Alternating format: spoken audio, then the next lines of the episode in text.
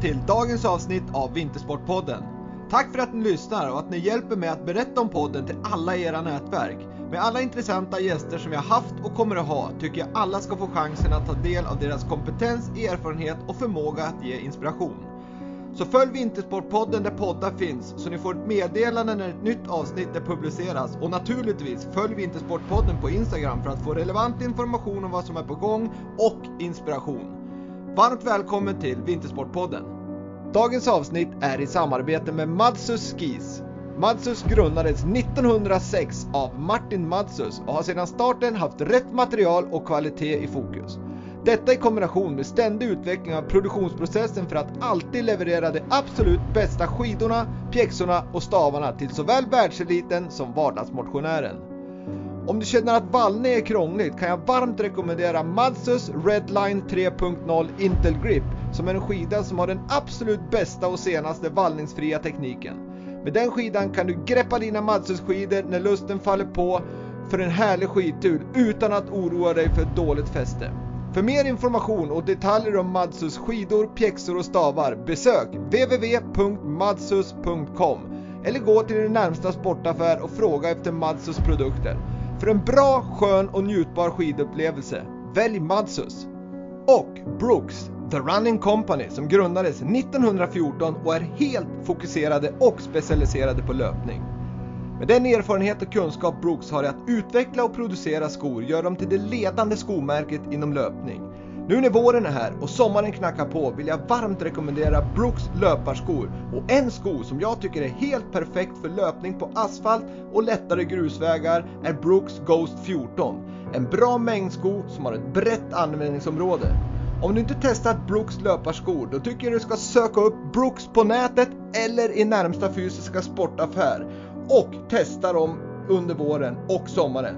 För en skön, härlig och givande löpupplevelse. Run Happy med Brooks, The Running Company. Nu kör vi igång dagens avsnitt av Vintersportpodden.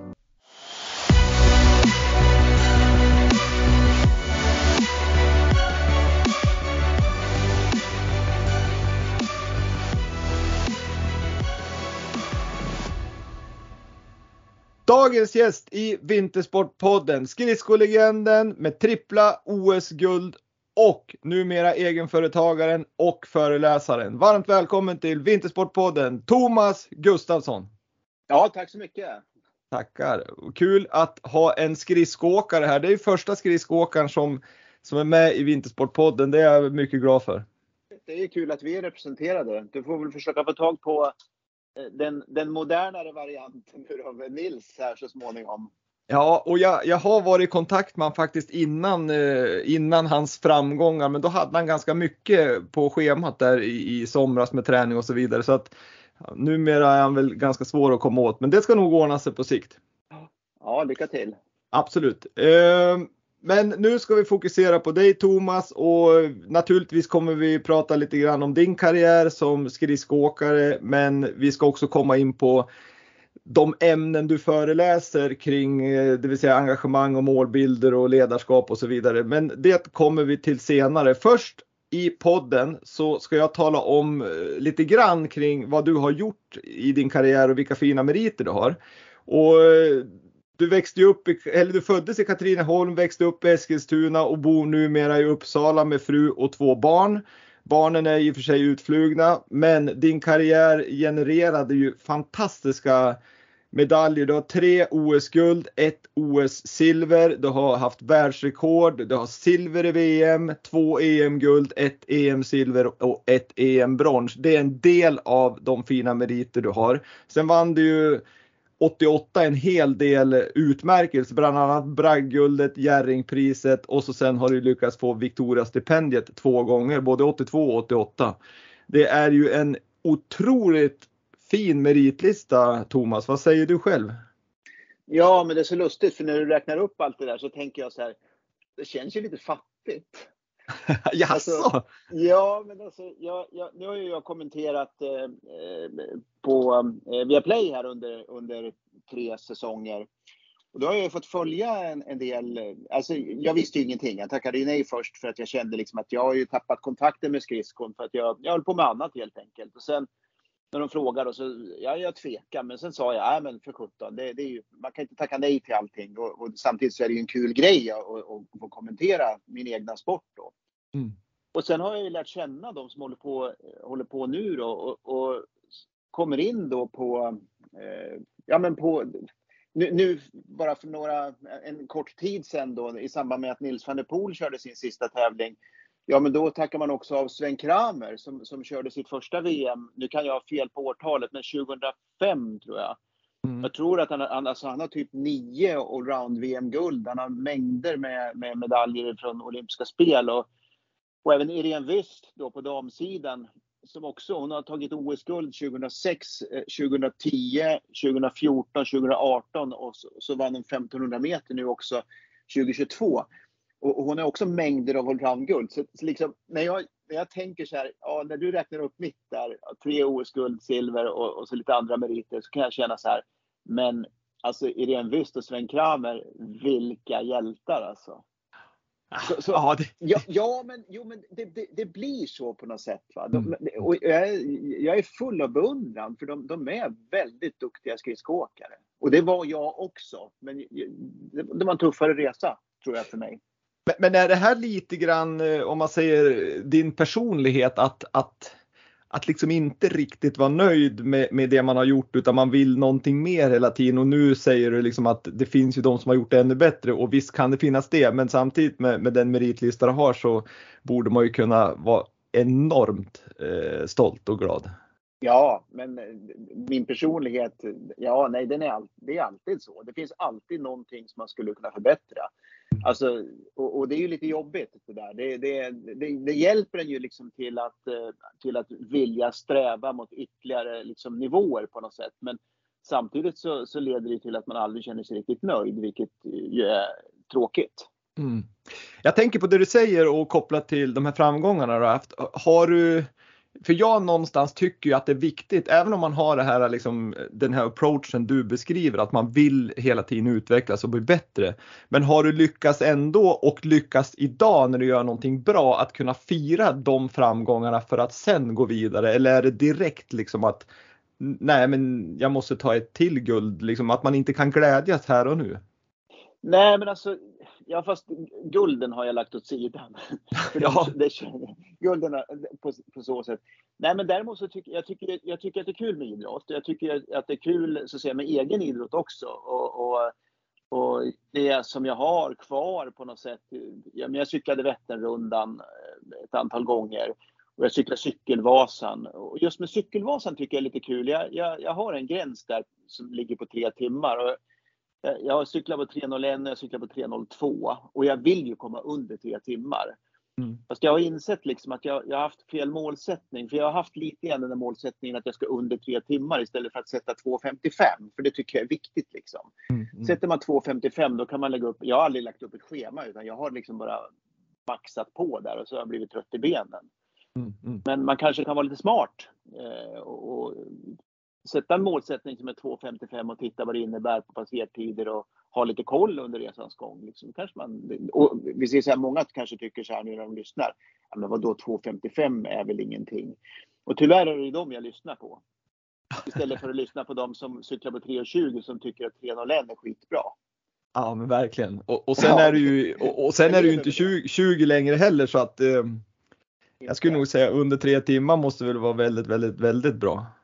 Jag, jag vet inte. Och jag, men det spelar liksom ingen roll om någon annan H60 är bättre. Det, det har inte jag något problem med.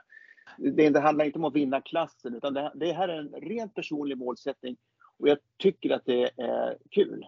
Mm. Jag tycker att det är kul. Nu har det ju varit två års eh, liksom, bortavaro därifrån på grund av pandemin. Men, mm. men jag har, jag har ja, men jag, jag, jag, cyklar gärna för att hålla formen och eh, Eh, sen försöka vässa upp mig till, till Vasan. det, är en lag, det är en lagom stimulans för mig.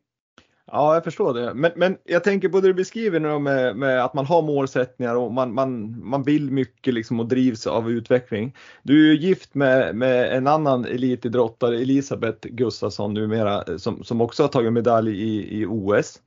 Hur, hur, hur är det liksom eran familj, det måste ju vara eh, ganska liksom tävlingsinriktat och att man hela tiden liksom vill bli bättre och sträva liksom efter att plocka ut disken snabbare och, och så vidare. Är, är, liksom, är familjen på det viset? Nej, både ja och nej. Alltså, vi, nej jag tror, det handlar inte om Nej, det, nej vi, vi, vi tar inte tid när vi... Jag tar tid när alla duschar naturligtvis eftersom energipriserna är så höga. Men, men, men, men ja, men det, det är, jag är lite nojig med sånt där. Jag, jag, jag, vill vara en god medborgare så vi ska spara på energi. Men nej, vi håller inte på att tävla så. Men däremot så märker jag, liksom Elisabeth håller på med en idrott vann inte, alltså hennes stora bedrifter det är ju hennes fyra VM-guld på 90-talet. Det, mm. var mäktigt. Och det var mäktigt att vara med borta i Kanada och se liksom hur, hur, hur stora de var liksom som idoler där borta. Men, men eh, det är ju en sport som, som det är väldigt små marginaler. Det är liksom detaljer, det är, det är strategi, det är uthållighet. Alltså uthållighet rent taktiskt och, och, och, och kunna hålla fast. Alltså, jag fattar inte. Jag, det skulle inte passa mig. Liksom. Jag menar motståndarna förstör din strategi hela tiden och du, du bara du håller kvar vid din strategi och maler på liksom, och till slut så vinner du matchen. Men det innebär ju också om vi tittar här hemma så Elisabeth är ganska petig med detaljer. Hon, hon är väldigt detaljpetig. Så har jag målat någonting så kan man räkna med att jag får göra om det. Ja, ja, ja jag förstår. Jag förstår. Okej. Okay. Ja. Däremot handlar det inte om på vilken tid det görs utan det, det, är, det är mer noggrannheten med utförandet. Men, men det låter som att det är en bra kombo i alla fall, att ni kom, kompletterar varandra bra, vilket är, är, är, positivt. Både i familjer och i företag och i, i idrottslag och så vidare. Så det låter bra. Ja. Men du Thomas, eh, innan vi liksom går vidare här så skulle det vara kul att, att få en, liksom en bakåtblick om vem är du och liksom hur växte du upp där i Eskilstuna? Var, var skridskor det självklara valet? Var du en ungdomsstjärna? Jag vet att du vann junior-VM-guld 79 och 80 på, ja, i, i allround då. Och, men, men var vägen dit spikrak eller hur såg det ut där i Eskilstuna när du, när du var ung? Ja, är du beredd på en lång historia? Ja! Nej då. Nej, men vi kan ta, vi, vi, vi kan ta det lite, liksom några så här milstolpar som jag tycker är viktiga. Och, ja. Nej, men jag, jag, jag, växte upp i Eskilstuna då, liksom med, med mamma, pappa och eh, syrran. Och eh, det var väl Ja, ja, mina, mina tidigaste minnen är ju liksom från Nyforsplan då, alltså som man spolade upp det. Var en skola som var precis där vi bodde. Och spolade upp den på vintern. Och Måste ha varit kanske 63, 64 någon gång. Jag är född 59. Mm. Så satt väl mamma och pappa och tittade på Jonny Nilsson, gamle mästaren då som åkte skridskor i Karatjava och, och Innsbruck. För jag, jag minns att jag var ute på den där kvartersplan och ville åka runt, runt. Så, så jag satt väl och lekte när de kollade på TV, tänker jag. Och så såg mm. man det där och så pappa var från Värmland och ja, skridskon var stor där borta och så vidare. Va? Så att eh, ett varv till pappa. Det var liksom inte tvärtom. Nu åker du ett varv till Thomas. Mm. mm. Annars får du ingen mat ikväll. Det var inte så det funkar. Utan det, var ju, det, det har alltid varit drivet inifrån mig på något sätt. Då. Mm. Men sen hade jag 1960, vad blir det, 70, 70 på hösten, då hade jag Johnny Höglin som ju också var då olympisk mästare 68 på 10 000 meter Jag hade hans syrra i syslöjd i skolan och hon, eh, hon lockade upp oss småknattar till, eh, till isstadion. Och, och jag hade väl en ganska bra fallenhet för att åka skridskor. Vi åkte ju, vi, ja men vi spelade ju bandy och ishockey på, ja, det fanns ju massor med uppspolade kvartersplaner så vi drog ju dit direkt efter skolan liksom och höll på. Så att när jag började åka skridskor så var jag, ja, men jag var ju Alltså jag, var ju, jag var väl bra tränad fast man tänkte inte på det för vi spontanidrottar väldigt mycket. Mm. Och så vann jag ungdoms första året. Så där, där började det liksom. Mm, mm. Men, men jag har hört på dig i någon annan podd där du, du säger att det var det inre drivet som, som, eh, som var viktigt och att inte föräldrarna var de som pushade där. Men, men jag, jag, vet att någon gång när du var 16 år och ni var utomlands eller vad det var så, så, eh, så, så sa dina föräldrar åt dig på ett snällt sätt och liksom att eh, men du Thomas det går liksom inte att bli bra bara genom att snacka utan man måste även träna. Var det någonting som, hade du en sån stor talang om man säger rent så här att du lyckades utan stenhård träning och sen kom du på att fasiken man måste träna om man ska bli bäst när man blir äldre eller hur, hur, hur var det? Ja, det där, det där är ju en nyckel naturligtvis då, som du pratar om, den, den skulle vi kunna utveckla jättemycket tror jag. För att många talanger lär sig ju inte det hårda arbetet. Det är för att det går för lätt för dem när de är unga. Men jag vann ju ungdoms första året. Andra året, då kom inte jag med. Jag kvalificerade mig inte. Och då ska man komma ihåg liksom att skridskon då, det, det, var ganska, det var mycket folk som höll på alltså. Så, att, så att varje vecka så kom det ju en, en, en kvallista till ungdoms-SM och, och, man tittade med nyfikenhet om man var med på den där listan. Eh, och så? Mm. Eh, men, men, men, jag kom inte med andra året. Tredje året kom jag sist. Fjärde året kom jag inte med. Femte året kom jag på tionde plats och sen sjätte året, då vann jag 500 meter. Så att, liksom, det var ju ingen rak resa sådär. Utan, eh, och det var väl någonstans där sen efter det då som, som ja, men jag kom med i ungdomslandslag och så småningom i juniorlandslag. Och dess, precis dess, i den här vevan någonstans, det var då vi var på semester i Danmark. Mm. Och jag snackade väl mycket om, om pratade väl mycket om vad jag ville liksom med mitt idrottande säkert. Där. Och då, då tyckte väl de att ja, men, vi kanske måste träna lite grann också. Mm. Men, men lär, kan du liksom ändå, fast du var ung då, då 16 år, är det någonting du liksom är det någonting du har fått med dig i livet sedan, liksom, både i skridskokarriären men även då i, som egenföretagare, just de här orden att det, det går liksom inte bara att prata utan man måste göra jobbet? Ja, men alltså, så, vi kan väl säga så här, om, om man nu lägger ändå lite fokus på skridskokarriären så kan man ju säga att det finns ju ett antal personer runt omkring som, som har haft, ja men det är så här små grejer som att jag, jag, jag jobbade som ledare på ett läger nere i Gnesta, det var Sörmlands idrottsförbund som hade sommarläger och så var jag ute och sprang med Göran Karlsson som, han var skidåkare i Tunafors då, hemifrån Eskilstuna. Och vi, vi var ute och tränade och han märkte liksom att om vi sprang upp för en backe så, så när vi kom upp för backen så, så, slog jag av lite grann på takten. Då sa han det att, att han tyckte jag skulle liksom försöka vara noga med att, att liksom driva på efter backen så att man liksom inte och, och det där, sådana där små grejer liksom, har jag känt att ja, men det där har jag tagit med mig. Det, det tänker jag på fortfarande. Liksom.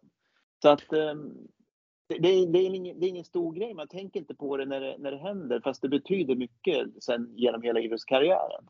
Mm. Ja, verkligen. Eh, och Gunnar Ström som, Gunnar Ström som var tränare i, i, i klubben då, alltså bara uppvärmningen, vi brukar ofta springa 2,5 kilometer som uppvärmning. Det var ju det där de har tempoloppet. Mm. och, och då kan man ju säga så här, ja, men är det så det ska vara då? Nej, det kanske det inte behöver vara, men, men det var så och det härdade på något sätt. Mm, mm. Det var ett bra tror, driv i gruppen.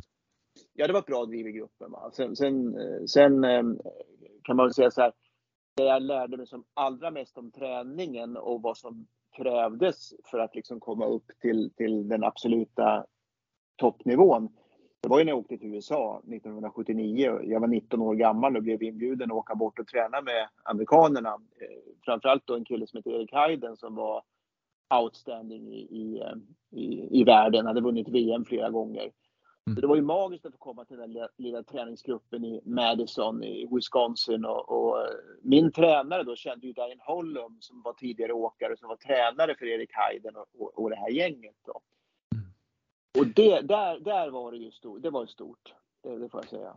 Hade de, kände du att de hade en annan träningsfilosofi än i Sverige vad, vad det gäller liksom, ja men, hela liksom den här konditionsbiten och styrkebiten eller, eller, eller var de långt före Sverige på den tiden? Nej, jag tror inte de var så långt före. För, för grejen var väl så här att Diane Holm då hade varit mycket i Europa, så mycket av, mycket av det som hon hade liksom skapat när det gällde träningen, ja, det var ju influenser från Europa. Mm. Och, och um, slideboarden till exempel, den första slideboarden, en sån här glidbräda med stopp mm. på sidorna då, som man står med socker och åker fram och tillbaka. Det, den kom ju, jag minns att Johnny Höglin berättade att han redan på 60-talet hade satt fast den där på köksgolvet, liksom stopp. Han hade skruvat fast på köksgolvet, eh, liksom stopp då, så stod han och åkte fram och tillbaks. Och dessutom och, har den nybonat har jag fått höra. Ja, okay, ja det är klart. Ja, det måste det ju vara så att det, så att det liksom är riktigt eh, ett bra eh, glid. Va? Så han, och det där plockar väl hon med. Hon, hon fångar väl upp sånt här så plockade hon med det och sen utvecklades det under Erik Heiden och så kom det tillbaks till Europa sen igen. Då. Mm. Men, men, men, men det som var där, att eh, deras återhämtningsveckor, sen man tränade tre veckor, vecka ett, vecka två, vecka tre med stegrande träning. Och sen var det en återhämtningsvecka. Återhämtningsveckan innebar ju inte vilovecka. Utan det var, var kanske hårdare än vad jag någonsin hade tränat i hela mitt liv tidigare. Så att det var liksom ett trappsteg upp som var rätt nyttigt att ta i den mm. perioden. Och hur länge var du där då? då? Från 79 till? Nej, men 79 var jag, jag var där två och en halv månad på sommaren. Okay, okay. Och sen, och sen, var jag, sen, sen uh, åkte vi OS i Lake Placid. Hayden vann sina fem OS-guldmedaljer. Och sen året efter så åkte jag tillbaka. Men, men då var liksom, när, då hade Hayden slutat. Dane Holm var inte tränare längre. Och nu var det andra som var tränare. De, jag vet inte, de, de gjorde bara hårda träningsprogram. Liksom. Det skulle vara så hårt och så tufft som möjligt. Mm. Och, och, det är inte riktigt så det funkar. Alltså, du, du, du, du, ska, in, du ska inte ta livet av dig själv liksom, med träningen. Du måste hitta en, en balans så att du kan återhämta dig mellan passen. Hur är din syn där då mellan, det är ju just den här balansen mellan eh, rent fysiskt då, att, att man måste återhämta sig och man måste liksom kroppen måste få den chansen. Men hur, hur ser du och hur såg du då på, på livets balans också? Alltså det vill säga att var det av den åsikt att man skulle kunna leva ett liv också som en vanlig människa samtidigt som man var elitidrottare? Det tror jag, det, det, det, det är klart att man, man, kan ju ha tänkt olika under olika delar av karriären naturligtvis. När man är 30 så tänker man ju annorlunda än kanske när man är 20. Men nej, jag funderar aldrig på det. Och borta, jag måste säga ändå att när jag borta i USA så var träningslivet var ju också livet med kompisarna. För vi umgicks ju liksom utanför träning. Så det var en rolig tid. Mm. Eh, och, och vad då leva livet utanför? Vad, vad är det i sådana fall då? Det, det är klart, jag, jag, vet väl någon gång jag, jag, jag, sa att jo, men om man inte varit på Uffe Lundell i, park, i Parken Zoo då, eller det var väl inte Parken Zoo, parken hette mm, i Eskilstuna. Mm. Ja, då har man inte vuxit upp på ett normalt sätt. Liksom. Och, och, och, nej, men jag menar, den delen fanns ju med så att säga. Det behöver mm. inte betyda att man var en, en total slarver, men, men eh, det skulle kännas tråkigt att ha en, en idrottskarriär som bara var träning och inga kompisar och inga grejer utanför. Nej, för jag, någonstans tror jag att det är precis som du säger, man behöver inte vara en slarver för att man går och lyssnar på Uffe Lundell i parken utan det, det är ju mer att man ska få liksom den här balansen som man kanske blir motiverad att köra de här extra hårda passen och, och känna liksom, ja men att man får lite, lite återhämtning i hjärnan också. Jo, nej men alltså, vi kan ju gå till, vi kan ju titta på Nils van der Poel nu som är det senaste exemplet på en formidabel satsning. Och han har ju lagt, la ju upp det som att han, han tränar fem dagar och sen hade han två dagar på helgen där han träffar sina kompisar. Mm. Så att han hade ju planerat in den här sociala delen. Jag ska inte säga att jag gjorde det på det sättet men, men eh, periodvis är man ju naturligtvis extremt fokuserad. Men, men eh, det är klart, är man ett landslag som är ute tillsammans eh, då har man ju, man har ju varandra. Alltså stämningen i laget har ju en väldigt stor betydelse. Där är ju coacherna viktiga. Ja visst är det så, för man, man, man har ju som i all, all sån här idrott så så har man ju väldigt, väldigt mycket tid tillsammans och väldigt lite tid som individuell idrottare om man tänker liksom, ni har 200 resdagar men ni tävlar bara några få minuter per år egentligen. Ja. Så det är viktigt jo. att lag eh, fungerar. Men jag tänker på Nils van der Poel där, han har ju verkligen sagt att jag ska kunna leva ett, om jag säger vanligt liv och hoppa fallskärm och så vidare och så vidare och vara med polare även fast jag är elitidrottare. Och någonstans har i alla fall bilden utåt sett varit så att han har lyckats rätt bra med det också. Ja, men jag tror ju inte ifrån oktober, oktober och fram till OS eller genom säsongen att det, det var då var han ju nere i incel väldigt mycket, eller mm. i stort sett hela tiden. Så det är klart att där blir det ju extremt fokuserat och, och, skulle man titta på, jag förstår ju att han inte, jag menar, när du gör på det sättet som han har gjort liksom, så känns det ju ganska fattigt. Eh, det är fantastiskt, så missförstå mig inte där. Men det, det blir ju, det. han är ju den ensamma idrottsmannen. Sen har han ju människor runt omkring sig. Mm. Men du har ju inte det här liksom, det här laget. Nej, som, precis. Som, när man reser tillsammans och, och på, på, samma sätt. Som jag tycker var en, en Ja, det, om du frågar mig liksom, vad, vad, vad, kommer du ihåg? Var det kul att vinna medaljerna? Ja visst, absolut det var kul att vinna medaljerna. Men det jag kommer ihåg är ju snarare kanske liksom löpturen med Hasse ifrån Östersund upp i, i Vålådalsfjällen. Liksom. Jag alltså förstår här... till 100 procent och det är ju just den här, vad ska jag säga, kompiskapet det också som jag tycker är, är, och jag håller med dig från min egen liksom, skidkarriär att det var ju jätteviktigt med, med laget. Ja, absolut. Nej men alla, alla roliga minnen man har. Ja. Vi liksom höll på i flera timmar och skulle köpa kameror borta i USA. Sen levererar de inte till, till, till hotellet. Ja, men det är sådana grejer. Alltså, jag, har ju, jag, jag, var där, jag har ju massor med bilder ifrån det här. Liksom. Det, var, det var en rolig, det, det var kul. Vi, mm. Man var inte ensam på OS. Liksom. Dels var man där med skridskolaget, men man var också där med det olympiska laget. Nej, men du, ja, men där, du, du, du åkte ju till Sarajevo i alla fall och tog hem guld och ett silver. Ja. Och, och sen efter det, liksom OS med de fina framgångarna så, så studerade du på Högskolan i Västerås till ja, internationell marknadsföring. Och där fick du lite strul. Alltså du, du gjorde ju en knäoperation och du fick hjärnhinneinflammation och, och då var det väl liksom tankar vad jag förstått då utifrån min research att, att fasiken ska jag fortsätta med skridsko och liksom att du var ganska nere av förklarliga skäl. Men att det var någonting som ändå gjorde att du, vad ska jag säga, det, det vände och du fortsatte satsningen mot OS i Calgary. Vad, vad, vad var det som gjorde att du liksom tänkte om och gjorde en, om jag får säga ny satsning eller vidare fortsatt satsning?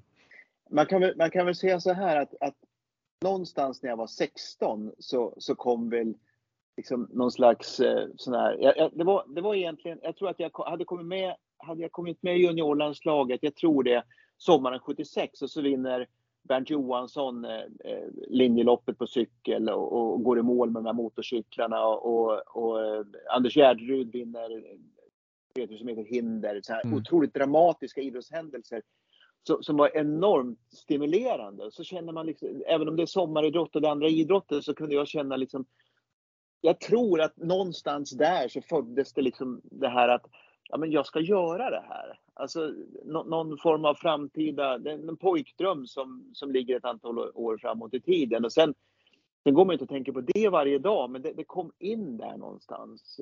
Och, och, och, och, fram till OS 84 så var det ganska självklart att liksom bara säsong för säsong liksom ta sig an det här på, på något sätt och fram mm. emot Sarajevo. Och, och, och så vann jag 5000 meter med 200 del sekund Eh, mot Igor Malkov från Sovjetunionen och så slog Malkov mig på 10 000 med, med 500 sekunder och det var ju 10 000 jag ville vinna. Mm. Det, det, var ju det. Va? Det var ju liksom men, men, men, men det var inte självklart att fortsätta där. Det, det bara blev så liksom. Vi hade Europamästerskap i Eskilstuna året efter och ja, det var ju inte alltså jag, jag hade inte samma driv där då. Va? Och efter de här Europamästerskapen, jag kom på åttonde plats i Eskilstuna där, det kändes, det kändes tråkigt på något sätt. Men, men det, jag menar, gör man inte arbetet så blir det ju ingenting. Det, och, och, sen dog pappa därefter. Ja, just det. Och han hade, och han... Med, han hade, ja, han hade ju varit med väldigt nära liksom. Mm. Slippa skridskorna och håller på. Han dog 85 eller? Ja. Och då har du förklarat där att 84 så så var han, liksom det skulle ju inte funka nu tror jag att man får pappan och få akkreditering till ett nej, olympiskt spel och sitta och slipa skridskorna. Det, det, är ju ganska unikt. Och då förstår ja. jag att han var väldigt viktig. Men var det någon form av, jag ska inte säga för hans skull som du gjorde den här vidare satsningen efter 85 att du skulle ta det här 10 000 liksom i, liksom få hedra honom på något vis? Nej, nej, så, nej, så var det inte. Utan det, det är en rent egoistisk dröm om att vinna 10 000 meter. För det var, mm det, tittar man rent Sverige historiskt så, så, så hade vi liksom Åke Seifert 48, Sigge Eriksson 56, Jonny Nilsson 64, Jonny Höglin 68 och alla mm. de hade vunnit 10 000 meter och, och, och, det var det som fascinerade liksom just 10, 10 000. Det var det, det var det jag ville vinna helt enkelt. Och så, och så var det 5 000 och, så, och silver på 10 000 men, men ja, och så fortsatte jag sådär lite håglöst kan man väl säga då. Va? Jag menar Nils van der Poel hade ju slut, han hade ju lagt av. Men, men mm. jag, jag traskade vidare liksom i, i, i, i sumpmarken ungefär. Liksom, ja, så, ja. Och, och, sen, sen, ehm, sen dog pappa, jag fick hjärninflammation. Jag började, jag, jag liksom jag började få ont i ett knä som jag, jag ignorerade inte men jag, jag, tog inte hand om det. Så till slut så, så var det en kronisk inflammation i knät som jag var tvungen att operera. Ingen stor grej, men operation. Det var öppna upp och, och, och, snitta på en sena liksom. Men jag fick hoppa mm. på kryckor ett antal dagar. Men, och sen kom jag in på den här utbildningen då, eh, internationella marknadsföringslinjen. Och, och det, var, det var väldigt skönt att få liksom rikta blicken någon annanstans.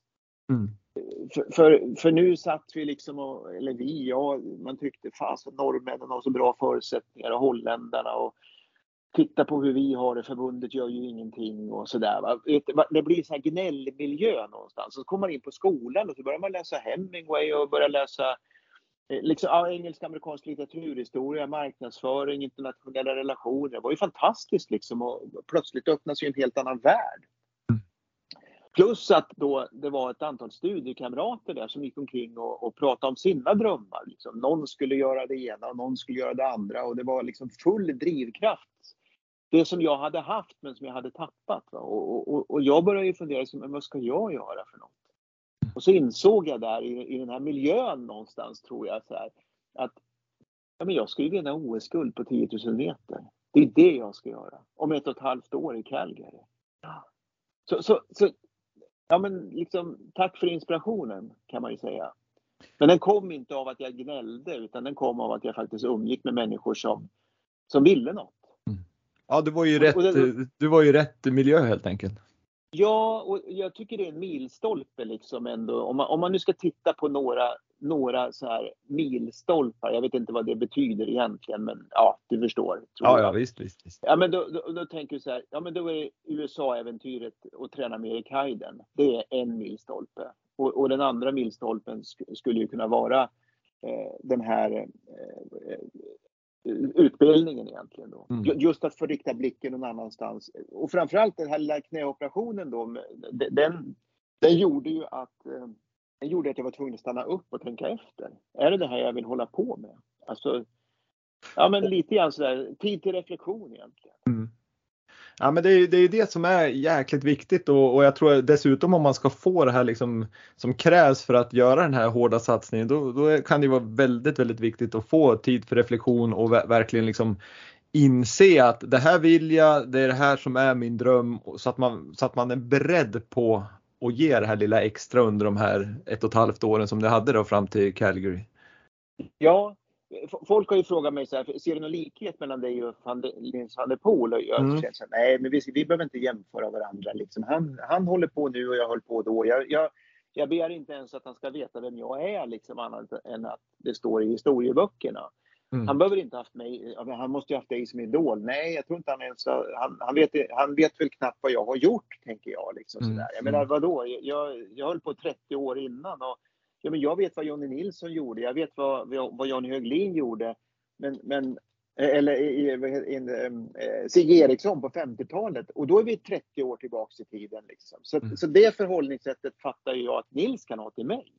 Han, ja, men... nu, råkar jag, nu råkar jag kommentera och så, va? så att jag, det finns ju en anledning till att jag har en koppling till honom. Men jag menar, de, för, för i övrigt har ni ingen relation liksom att, att han har fått liksom använt det som någon form av mentor? Liksom, det har ni inte? Nej, men han, nej, han, han har ju andra eh, inspirationskällor.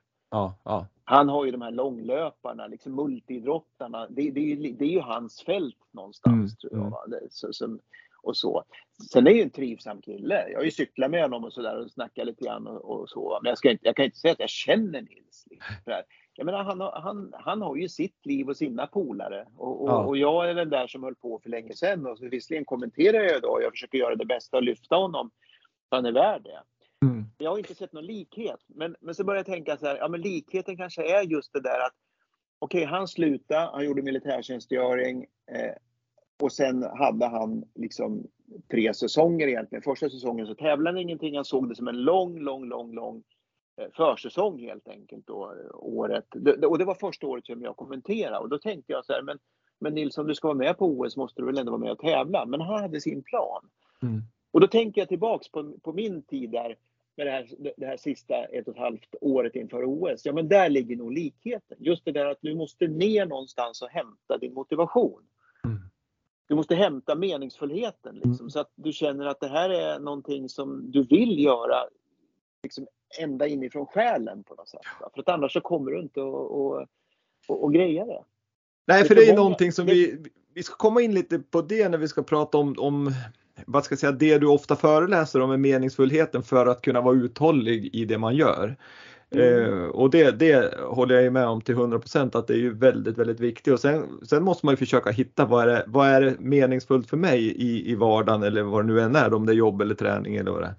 Men, men jag tänkte bara avsluta med, han, han det, det, var ju liksom lite snack om det där då efter hans andra OS-guld tror jag det var att han gjorde samma gest sägs det då i media som du gjorde och, och, bevisligen så vet han vem du är och bevisligen så har han ju tittat på dina lopp och så vidare. Men, men du trodde kanske inte att det var den gesten för att hedra dig på något vis? Nej, men det var det.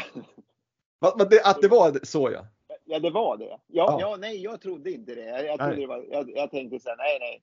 Men sen, sen har jag sett bilderna och, och jag, jag, förstår att det, att det faktiskt eh, det var liksom just det där. Och de, man, de har lagt upp bilderna bredvid varandra och sådär. För det, Joel Eriksson står där och så sliter han upp armarna i luften. Och då ser man Nils hajar till. Just ja, precis. Nu kör vi. Ja. Nej, men det, det måste ju ändå nej. kännas liksom kul ja. att, att, att man lever ja, vidare. För, för det, är liksom, det måste ju vara superkul.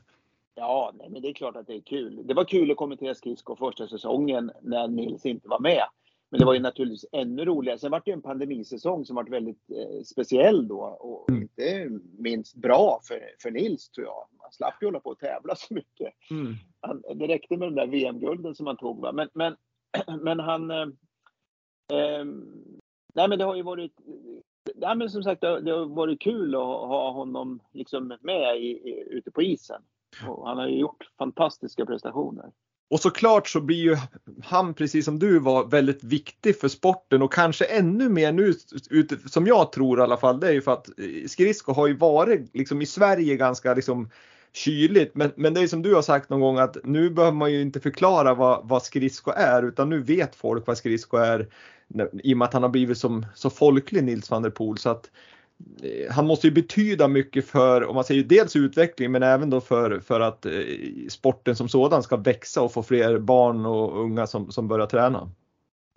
Ja, framförallt så skulle det väl, kan vi hoppas att vi kan få träning, att, att skridskon kan få, eh, eller klubbarna kan få träningstider. Mm, exakt. Och, och, det, är ju, det, det, är ju en ganska tuff del av, av, jag menar det finns ju det finns ju inte så många skridskobanor. Det finns ju bandyhallar. Ja. Det, gör det. Och, och är det i dem det, som man får ut, liksom, utöva det är där träningen? Nils, det är där Nils har kört i, hemma i, i Slättbergshallen i, i Trollhättan. Ja. Där har det ju funnits linjer ritade men det, det är inte alla hallar som vill rita upp några skridskolinjer. Nej, precis. Vad ska de in här och göra? Ja. Så det är ju det är en kamp, men det var det även på, det, det var ju en kamp mot bandyn på, på min ungdomstid. Det minns jag. Då, då satt en pensionär i bil och räknade hur många vi var på isen och så när det skulle fördelas tider så tog de fram liksom underlaget eh, och så. Det är som hockeyn gör med konståkningen mm, också. Så, mm, så mm. ja. Men du, från att liksom du slutade till, till dess att du började kommentera så har du ju ändå varit ganska, liksom, om jag får säga så, frånvarande från skridskosporten eh, liksom, i, det, i det dagliga engagemanget. Du har ju varit med i Skridskoförbundets styrelse, men framförallt så var du vice ordförande i Svenska Olympiska Kommittén under 13 år, ungefär från 2000 till 2013. Och sen var du väl involverad på något vis i internationella olympiska kommittén. Men, men var det liksom, vad var anledningen till att du inte fortsatte riktigt som i, i skridsko och var engagerad i skridsko så där operativt? Var det för att du var mätt, mätt på skridsko eller var det för att inte barnen höll på med skridsko eller kände du att du ville jobba med någon annan idrott som SOK, och Svenska Olympiska Kommittén, att du fick jobba bredare med idrott? Ja, men alltså ja, det, är många frågor där. Men vi kan väl, se, vi kan, nej, men vi kan väl säga så här att, att, att jag kom ut ur skridskon på ett ganska trist sätt egentligen då. Jag vill inte vara utan. Den sista säsongen, det var, det var OS i Albertville. Och då hade jag ju liksom vunnit dubbla OS-guld i Calgary. Eh, jobbat stenhårt för det. Sen kom jag återigen. Liksom, för, sen för första gången så hade jag ju egentligen sponsorer. Så jag, kunde, alltså jag har aldrig kunnat leva på, på sporten riktigt sådär. Va? Men, men, men eh, jag, eh, jag fortsatte ju. Liksom jag hade svårt att sluta helt enkelt. För jag tyckte ju om skridskor men, men det, det, är inte så kul att harva runt och inte göra det man känner att man skulle vilja göra. Och, och, och, och så kanske man inte... Man kanske liksom blundar för att man måste göra arbetet ända ut i fingerspetsarna. Mm. Det, det, går ju, man lever inte länge på gamla meriter, så kan man väl säga. Nej, det gör man ju eh, absolut. Nej, det gör man ju verkligen inte. Va? Utan det, det nästa generation står redo liksom att vara det. Men du kan ju stå där på startlinjen och, och tro att du är något liksom. Men, men, den som står bredvid som är på väg upp kommer ju, den enda den vill göra är ju att slå dig liksom. Det, mm. och, det är ju så det funkar. Och jag gjorde ju inte arbete de sista fyra åren. Jag tog ett år i taget. Det här med ett år i taget, när jag hör det liksom så här, ja, ska du fortsätta idrotta nu? Så här, ja, jo det kommer jag göra, men ja, vad, vad har du för perspektiv? Är det nästa OS redan nu? Så här, nej, jag tar ett år i taget, så får vi se. Mm. Och jag, det, jag, jag känner så här, nej, ta inte ett år i taget. Sluta hellre nu som Nils har gjort då i sådana fall, och, men behåll målet. Men, men gör något annat då. Och, och det är ju modigt. Det, det, det, det, vågar inte jag göra utan jag höll mig ju kvar liksom i skridskon. Jag gjorde bra resultat och, och så. Va? Jag gjorde inte de här formidabla resultaten för jag gjorde inte arbetet. Jag tog ett år i taget. Mm, mm, och, och det innebär att man, att, att, man kör på det gamla receptet och så, och så blir det ungefär lika bra, vilket inte räcker. Och, och, och, sista året jag åkte, så det, var, det var jobbigt alltså. Det, det, var, det var jobbigt att åka till Albyville och känna att jag, kommer, jag har inte en chans. Mm. Men ändå så, så jag är martyr liksom som åker ut på startlinjen och ställer mig och, och genomför mitt 5000 meter. Mm. Jag förstår, jag förstår jag... exakt. Och, och, och, då blir det ju, det är liksom alltid måste det vara bättre som du säger att sluta och så har man en, en skön eller god smak i munnen och, och liksom sluta ja. som kanske efter Arbevill och så är det inte så på topp och man, man är kanske inte bitter men, men, men att då, det blir inte, det här suget kommer inte. Nej, är man bitter så är det, det är snarare besviken i sådana fall. Och, ja. och det, besvikelsen ligger inte på resultaten utan besvikelsen ligger på att man själv inte fattade vad som mm. krävdes. Mm. Samtidigt som att i ett litet perspektiv så inser man ju liksom att ja, men det är ju så det är. Ska man liksom vara på topp och slåss om medaljerna, liksom ligga på den nivån där och, och, kunna nå prispallen, då, då, då krävs det någonting utöver det vanliga. Liksom. Mm. Och det, det, spelar liksom ingen roll vilken idrott du håller på med, eh, tror jag. Liksom. Det, det, du, du, kan, du, kommer aldrig undan arbetet. Och, och, och, då behöver man ha en plan. Och man kanske behöver ha en långsiktig plan. Och man behöver jobba med de här eh, kvaliteterna. Men det gjorde inte jag. Och, och då slutade jag och det var, kändes lite tragiskt att sova. Men jag skulle inte vilja vara utan det, för det är väldigt lärorikt. Som sagt. Men just då var det jobbigt. Det var, det jag, var jag förstår. Släppas ut i fängelse. Jag förstår det. Men, men jag, jag måste säga, du sa någonting där att du inte kunde leva på din sport riktigt till 100 procent och, och det, nu vet jag att allt har ju ändrat sig eh, med, med åren och nu är det ju mer pengar kanske än någonsin. Eh, och, och, men jag blir ändå förvånad med, med de framgångar och liksom OS-guld och, och VM-guld och, och, allt vad det är, att man inte liksom gjorde någonting, var det för lite kommersiell och att du liksom, nej men jag ska hålla på och åka skridskor, jag skiter i massa märken på dräkten eller, eller var det bara så att det fanns inte pengar? Jag hade, jag hade nog gärna, jag, jag såg ju liksom hur jag kunde, vet, vet, man, man, nere i Incel i Tyskland, nu är det inomhusbana, men då satt man ju där efter träningen på läktaren och tog en liten yoghurt, vet, sådär. Mm. och, och då känner man så här, ta den här bilden. Det, liksom, det, är det här, det här. Jag såg ju liksom hur yoghurtföretagen skulle kunna göra reklam. Man satt efter träningen och käkade yoghurt. Va? När man, när man, och så rakbladsföretagen, ja men då hade man ju liksom skridskon, vassa skenor, liksom, ja, ja, rakning. Ja, ja. Förstår du? Liksom, ja. Jag såg ju alla de här kopplingarna. Eh, men, men eh, det är klart att eh, det räcker ju inte med att jag ser det. Nej, men jag tänkte liksom nu, nu för tiden så har ju många liksom duktiga eh, managers som åker runt och, och just drar de här liksom kopplingarna till ja. företagen och du läste ju ändå lite internationell marknadsföring och det låter ju som att du har fantastiskt bra uppslag liksom. Men, men jag, jag, misstänker att tiden finns ju inte heller att göra det här jobbet utos för det är ju mycket tid som går åt eh, att, att åka runt och presentera det här eh, liksom, uppslagen som du har. Nej, men själv är, jag för, själv är jag för blyg helt enkelt. Mm. Jag har varit för blyg för, för att liksom tro att jag skulle vara något. Så, mm. så, så, har det väl varit. Och sen har jag inte kanske haft då eh, jag hade ju Kaj Wiestål som hjälpte mig då, så att det, var inte så att jag var helt utan sponsorer. Jag hade ju inte de där miljon... Alltså skridskon, skridskon i sig genererar ju inga prispengar utan... Eh, Nej, det är samarbetsavtal. Fall utanför där. Så, så, va. Eh, men, men det är klart att jag har, har om vi säger så här, jag, jag har ju haft eh, jag vet inte hur många föredrag jag har haft, men vi räknar ju liksom i tusental. Mm. På sen jag bildade aktiebolag, bildade aktiebolag 1994 och dessförinnan så hade jag en enskild firma. Men, men jag menar, all, alla de här uppdragen har ju kommit av skridskon. Ja, ja. Så man kan säga att du fått payback efteråt? Ja. Ja. Det, det, ja, men det, det ja, jag, liksom. jag, jag, jag, får ju fortfarande det. Och, och, men nu känner jag liksom att jag, jag, jag tycker att jag gör ett...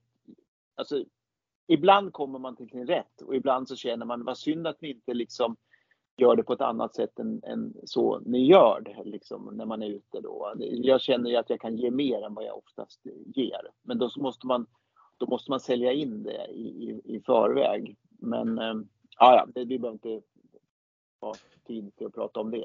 Men så, så är det ju. Va? Man måste ja, göra, man, det, det man vill, det måste man berätta. Ja.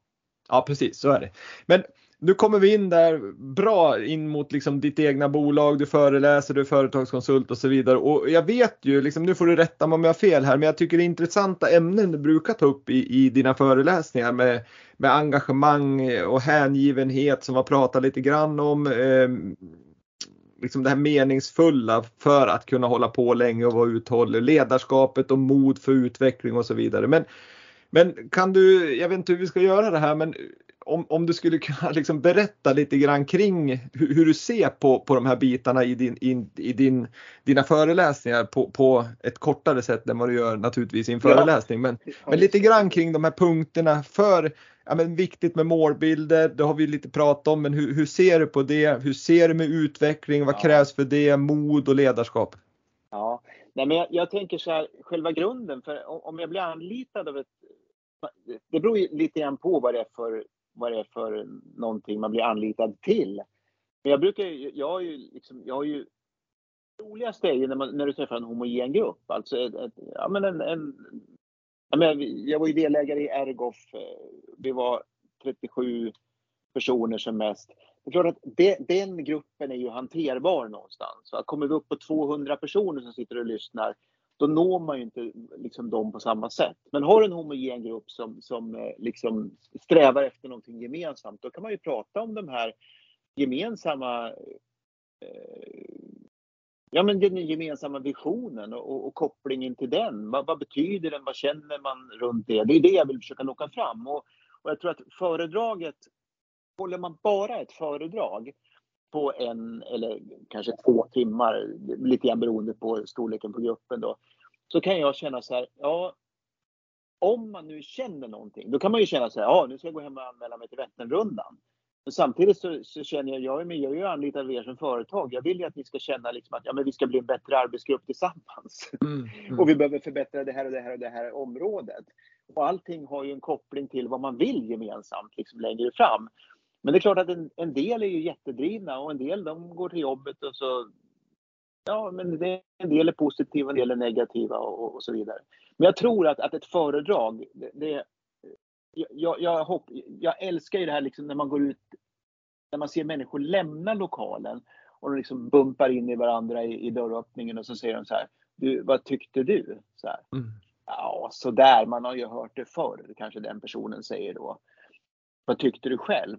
Ja, men jag tyckte det var jättebra. Jaha, tyckte du, men vad var det som var bra då? Ja, men liksom, nu, nu, kan, mm. nu börjar man prata. För det, jag kan ju inte liksom med mina exempel räkna med att de landar i huvudet på människor. Så att, och, och det, är inte, det är inte säkert att de ens förstår vad jag pratar om. Liksom. Nej, så, så är det ju. Um, och, och, och, men, men, men mitt mål är ju liksom att, att man ska kunna nå alla på något sätt. Liksom. Jag, jag, träffade en, det var en stor samling människor, 200 personer som satt och lyssnade i 45 minuter. Eller en timme kanske, jag vet inte. Det är många år sedan, nere i Linköping. Och de, det, det, var ja, men ganska stelt tillfälle sådär. Och så fick jag utvärderingar efteråt och så står det så här. Thomas pratar för mycket idrott. Jag, som jag minns alltså, så känner jag så här, men jag pratar ju, alltså jag försökte ju liksom prata till dem som om det vore deras värld.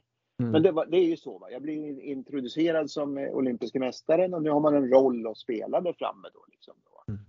Ja, Thomas pratar för mycket idrott. Och så vänder jag blad och ser nästa utvärdering och då står det Thomas borde utveckla de idrottsliga exemplen lite mer. Ja, och så vänder du blad och så står det liksom gammal skåpmat. Och det där är ju väldigt nyttigt liksom. Och, och inse att ja, vi lyssnar på olika sätt. Lite grann, lite grann beroende på vilken roll man tillskriver den som står där framme. Verkligen. Och, och, och, här är ju, det är som jag brukar alltid säga, kommunikation är ju nästintill, det, alltså omöjligt, det är jättesvårt för man kan tycka som du säger att nu, nu ska jag vinkla det här på det här viset men har du tio åhörare så kommer du garanterat ha tio olika synsätt, alltså mottagare av det här och det är ju mottagaren som bestämmer vad man säger eller skriver eller vad det nu är. Ja, men jag har ju träffat grupper som ska cykla Vätternrundan. Jag har inte haft föredrag för dem så, men man träffar människor liksom som, ja, vi ska cykla Vätternrundan, vi är ett gäng tillsammans. Och så har ni gjort upp några regler? Ja, vad då för regler? Vi ska cykla till liksom, ja, 30 mil var det förut, nu är det 31,5 då. Så här. Ja, men om ni får punka, stannar ni då? Om någon får punka, stannar ni och väntar då eller? Nej, det kanske vi skulle snacka om. Ja. Okej, första punkan kanske ni stannar, den andra då? Stannar ni då? Alltså, det är lite sånt här jag tycker är roligt att, att, att, testa för att det har ju en himla stor betydelse när man väl sätter iväg sen. Eh, jag, jag vet jag träffade ett gäng, det var sex killar som skulle köra och, och, de hade jättekul på träningarna inför, vilket ju naturligtvis är fantastiskt för det kanske är hela behållningen. Men sen blev de osams för att de hade, någon drog ifrån de andra och någon orkade inte och någon bröt och, ja, och sådär. Mm, mm. Men, nej, man, hade inte gjort, man hade inte gjort upp på förhand vad man, vad, vad man ville med den där rundan.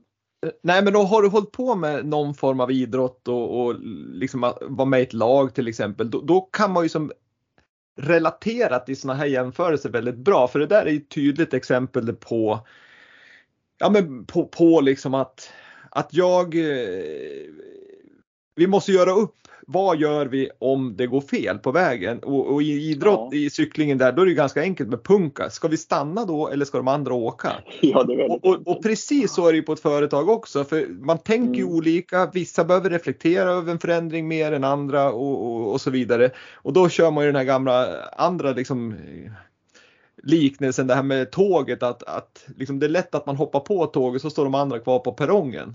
Och så åker man och så tycker man liksom att nu har vi gjort förändringen men det är ingen som fattar vad vi ska göra och det är väl lite grann Nej. det som är viktigt i liksom, oavsett om det är en idrott eller ett företag att man liksom man måste förstå varandra och förstå varandras olikheter och, och, och liksom tid man behöver för den här förändringen så att alla är med på vad vi ska göra.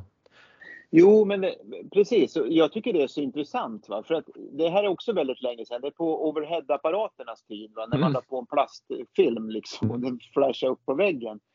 Och så var det en VD som stod, det kanske var 150 medarbetare som sitter i lokalen. Och så, så säger han så här, ja och så har vi i ledningsgruppen tagit fram en vision. Ja men fine, det är jättebra liksom. Så här, va?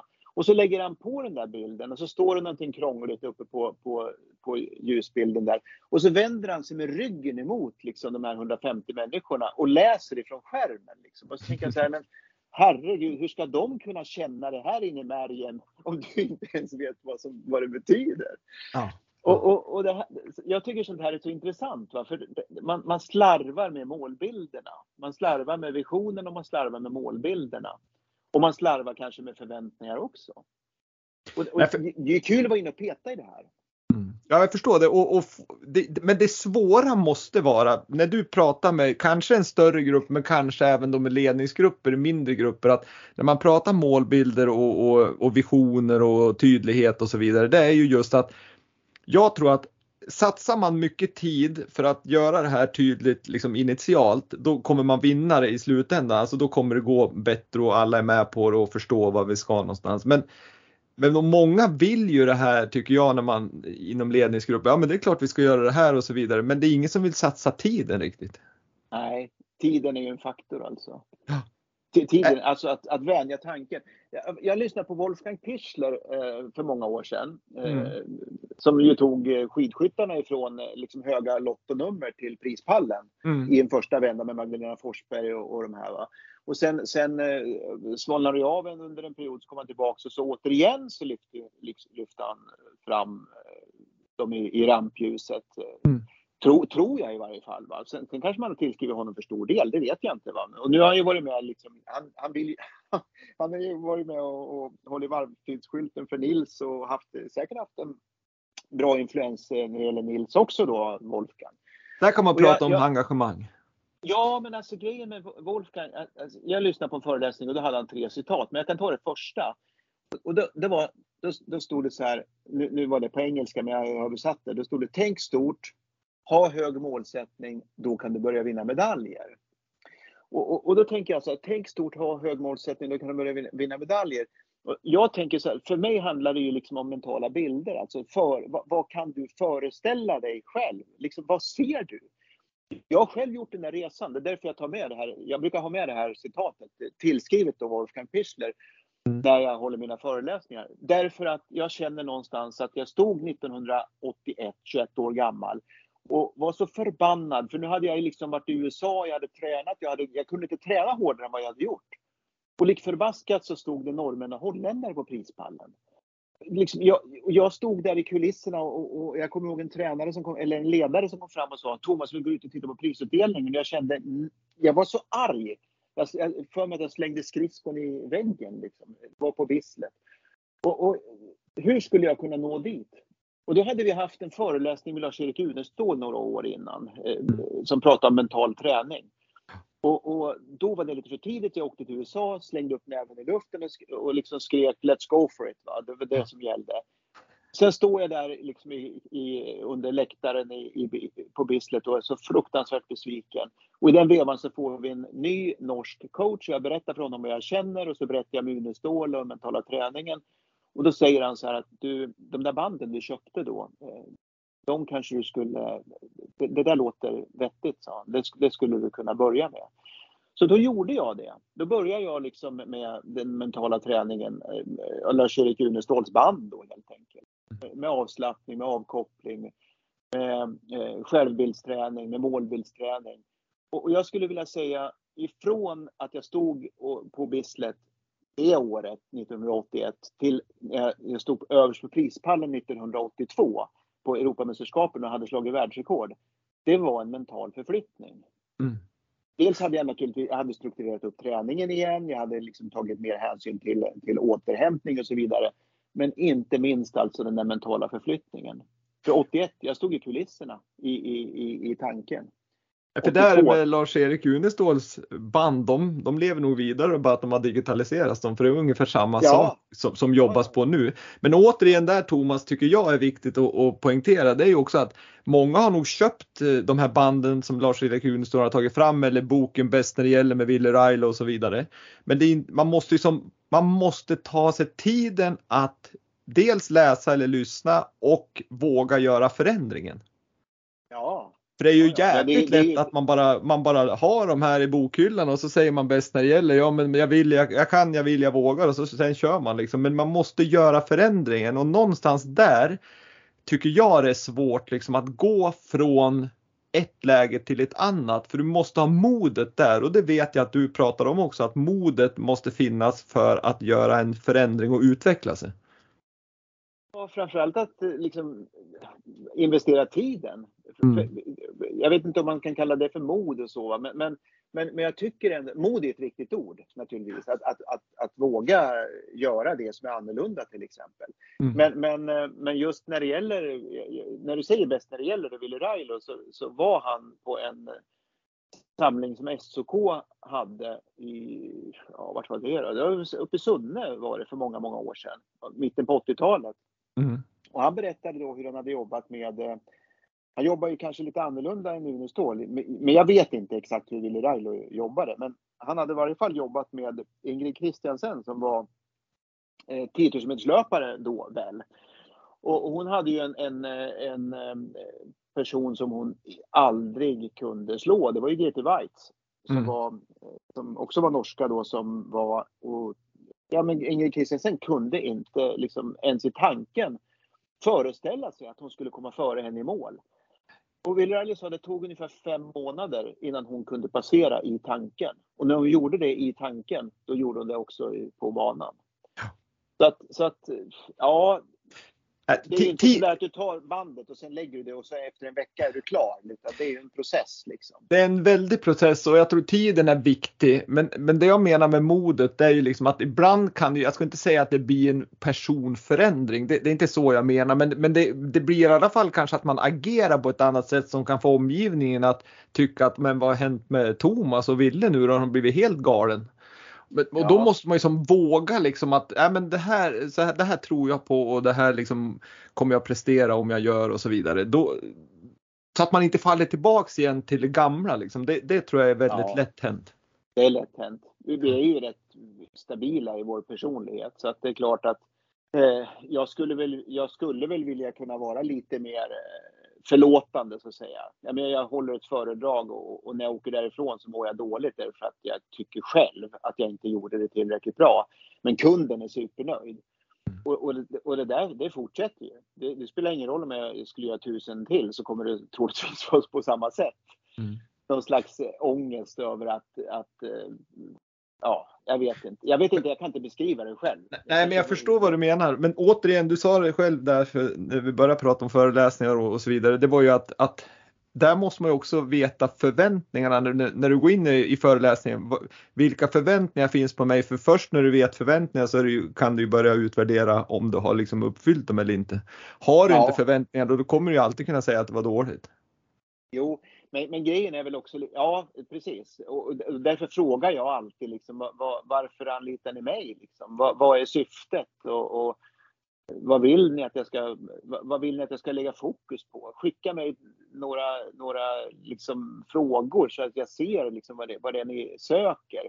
Vad har ni för utmaningar i den här gruppen? Liksom? Så det, sen kan det ju vara en kundträff, då är det en helt annan grej. Va? Men jag har intervjuat ex, ja, det, jag håller på att säga extremt, men väldigt många chefer.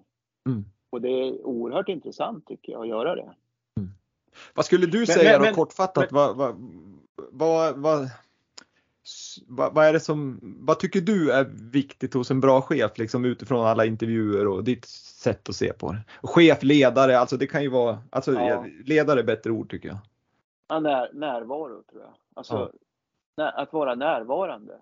Mm. Men du, ja, verkligen. Att vara, att, att vara närvarande. Jag, jag, tror att det, det, är nog det absolut viktigaste. Sen, sen ska man ha förtroende och så, va? Men, men just, just det här när, närvaron, att du känner att det, och det tror jag liksom, att det spårar jag tillbaks till mina egna coacher. Liksom. Även om de inte är på plats så kan de vara närvarande.